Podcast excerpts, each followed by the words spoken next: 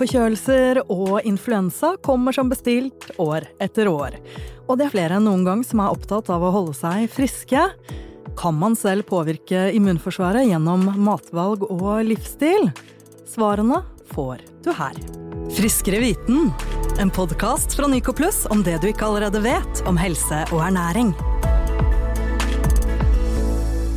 Ny uke, ny episode av Friskere viten. Jeg heter Arnhild og skal dra dere gjennom når vi nå skal snakke om kroppens forsvar mot smittestoffer, nemlig immunforsvaret. Jeg har eh, to små barn, og hver høst når den ene hjemme med sykt barn-dagen tar den andre, prøver jeg å klamre meg til erkjennelsen av at sånn her er det å ha barn. Og det jeg har lurt på er jo, er det egentlig riktig av meg å klamre meg til at sånn er det bare? Jeg har hørt om immunforsvar, men eh, jeg har tenkt at dette til en viss grad er arvelige egenskaper. Noen har det, noen har det ikke. Og i den grad man kan ordne seg et godt immunforsvar, så gjelder ikke det for barn. Det å være sjuk er nettopp det de skal gjennom for å bygge opp immunforsvaret.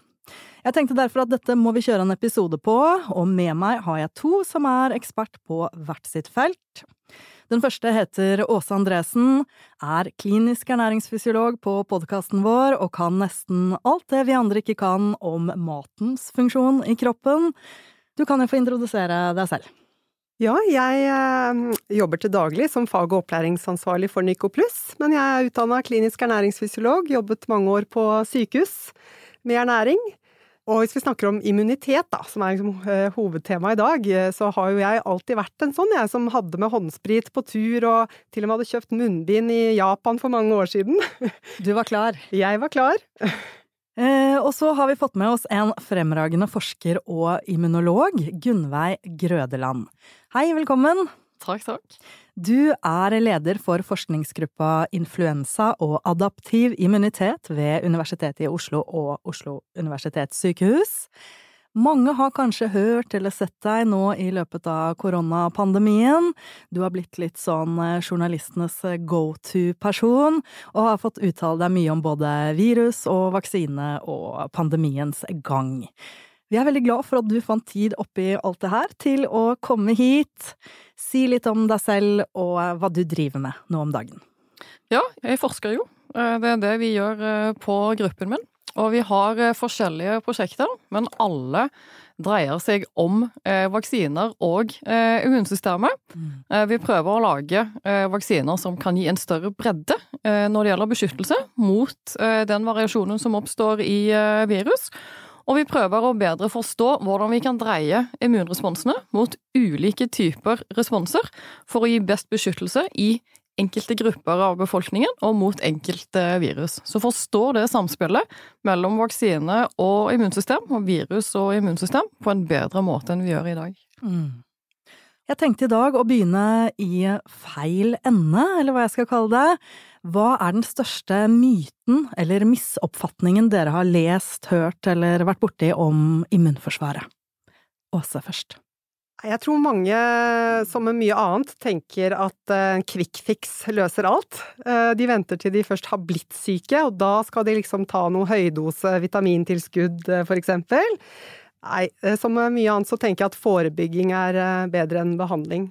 Eh, så, og kosthold er jo faktisk en av de faktorene vi selv kan påvirke. Vi kan ikke endre genetikken vår, men kostholdet, eh, sammen med hygiene, det kan vi gjøre noe med. Så det å ha en god ernæringsstatus i bunn, det kan gjøre at man kan eh, forhindre sykdom.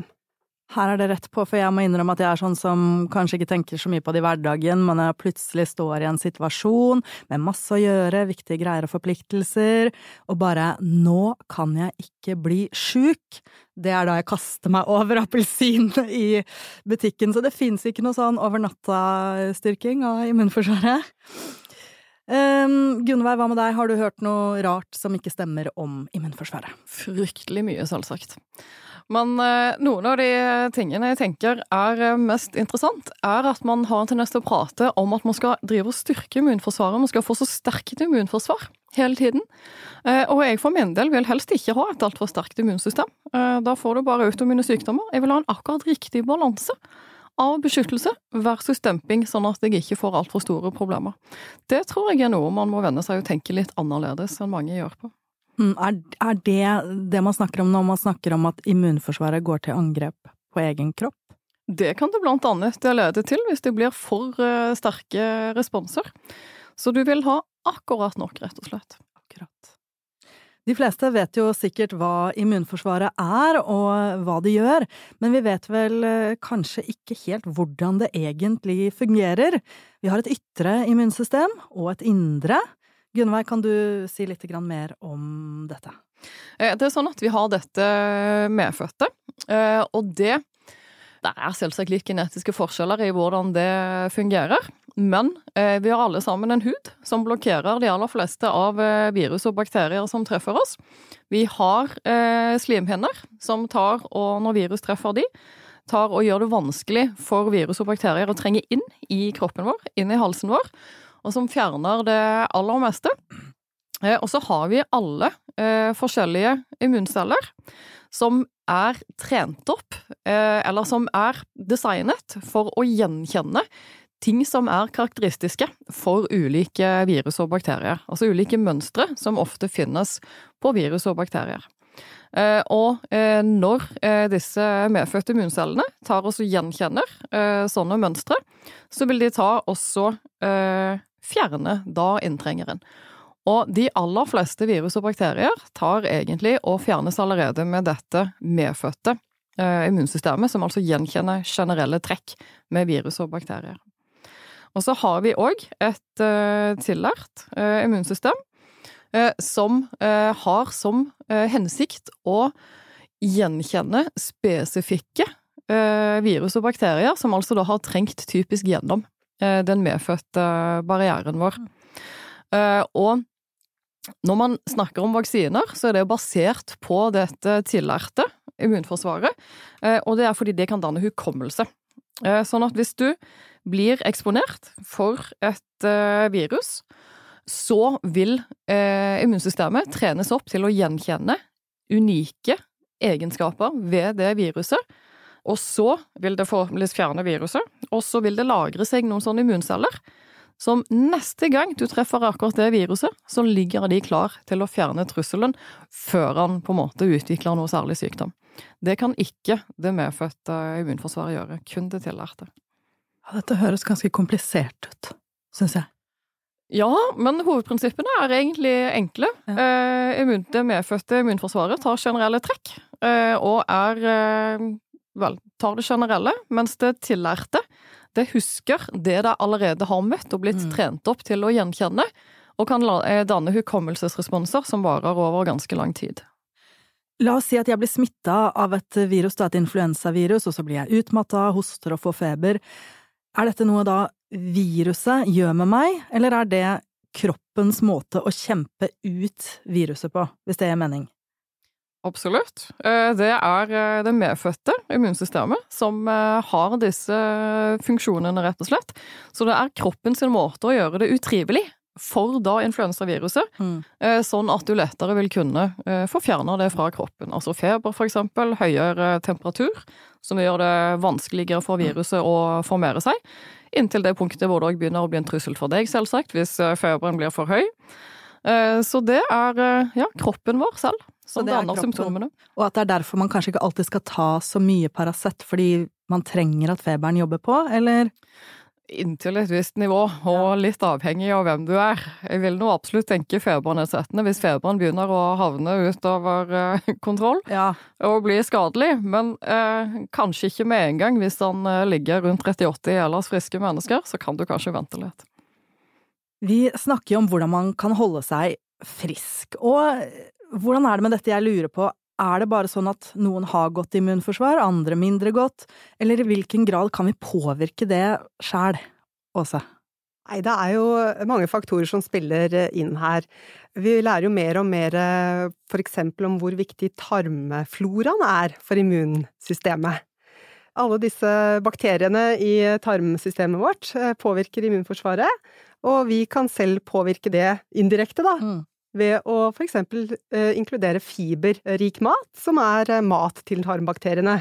Vi vet fortsatt ikke alt, alle detaljer, fortsatt mye å lære om akkurat hvilke bakterier som er eh, viktige videre, men, men det å sant, klare å følge et sunt kosthold da, med mye frukt og grønnsaker og bær, mye fullkornsprodukter, det vet vi helt klart er gunstig for tarmfloraen, som da igjen er positivt for immunforsvaret. Og så er det jo, du nevnte slimhinner. Hvis vi starter allerede i munnen, da, og snakker om næringsstoffet vann. Det er det mange som glemmer. Er man dehydrert, så kan mm. det gjøre at man blir tørr i munnen, at man får mindre spyttproduksjon, eh, og at man dermed får et redusert eh, immunforsvar. At slimhinnene ikke får ja. gjort sin jobb. Ja. ja. Og det er også mange av næringsstoffene som også har så veldig mange funksjoner i kroppen, men blant annet er viktig for å vedlikeholde slimhinnene, som er en del av immunforsvaret. Så det er jo veldig komplisert, dette her. Ehm, så både væske, eh, fiber, eh, diverse vitaminer og mineraler, og selvfølgelig tilstrekkelig protein og energi. Men altså, det første jeg tenker på er sånn appelsin og C-vitamin og, og sånn. Er det, noe, er det noe i det? Det er helt klart at eh, både C-vitamin og D-vitamin er Det har til og med EFSA, altså mattrygghetsorganet i EU, har jo godkjent helsepåstander på disse to næringsstoffene. Eh, men da er det ikke snakk om å styrke immunforsvaret, de sier at det er viktig for å vedlikeholde et normalt fungerende immunforsvar. Akkurat. Eh, og det var som jeg sa litt innledningsvis, at har man liksom en god ernæringsstatus i bunn, altså at man har nok D-vitamin og C-vitamin i kroppen, så kan det være med på å forhindre sykdom. Men det er ikke sånn at når man først har blitt syk, så hjelper det å kjøre på med høye doser. Så det å tenke fremover og, og spise eh, sunt og variert, eh, og sikre at man får i seg disse næringsstoffene, det er eh, helt klart eh, viktige elementer. Og så vet vi jo særlig med tanke på D-vitamin at i Norge er det mange som ikke får i seg nok av det. Mm. Eh, spesielt på vinteren, hvor vi ikke får det fra sola. Da er det en del som trenger tilskudd. Men det er viktig å tenke, å, å tenke, på dette hver dag, ikke først eh, når man har blitt syk. Nei, men hva med når man ikke Kan man fikse liksom, Må man ha gjort det et år i forveien? Eller liksom hvis jeg, jeg kan ikke bli syk, for nå har jeg mye å gjøre den neste måneden, jeg har ikke blitt syk ennå, er, er, det for sent da? ja, jeg vil si at det er, det er jo aldri for sent å endre gode vaner. Nei. Eh, så kanskje man kan forhindre det til neste gang. Nok om mine, min dårlige strategi.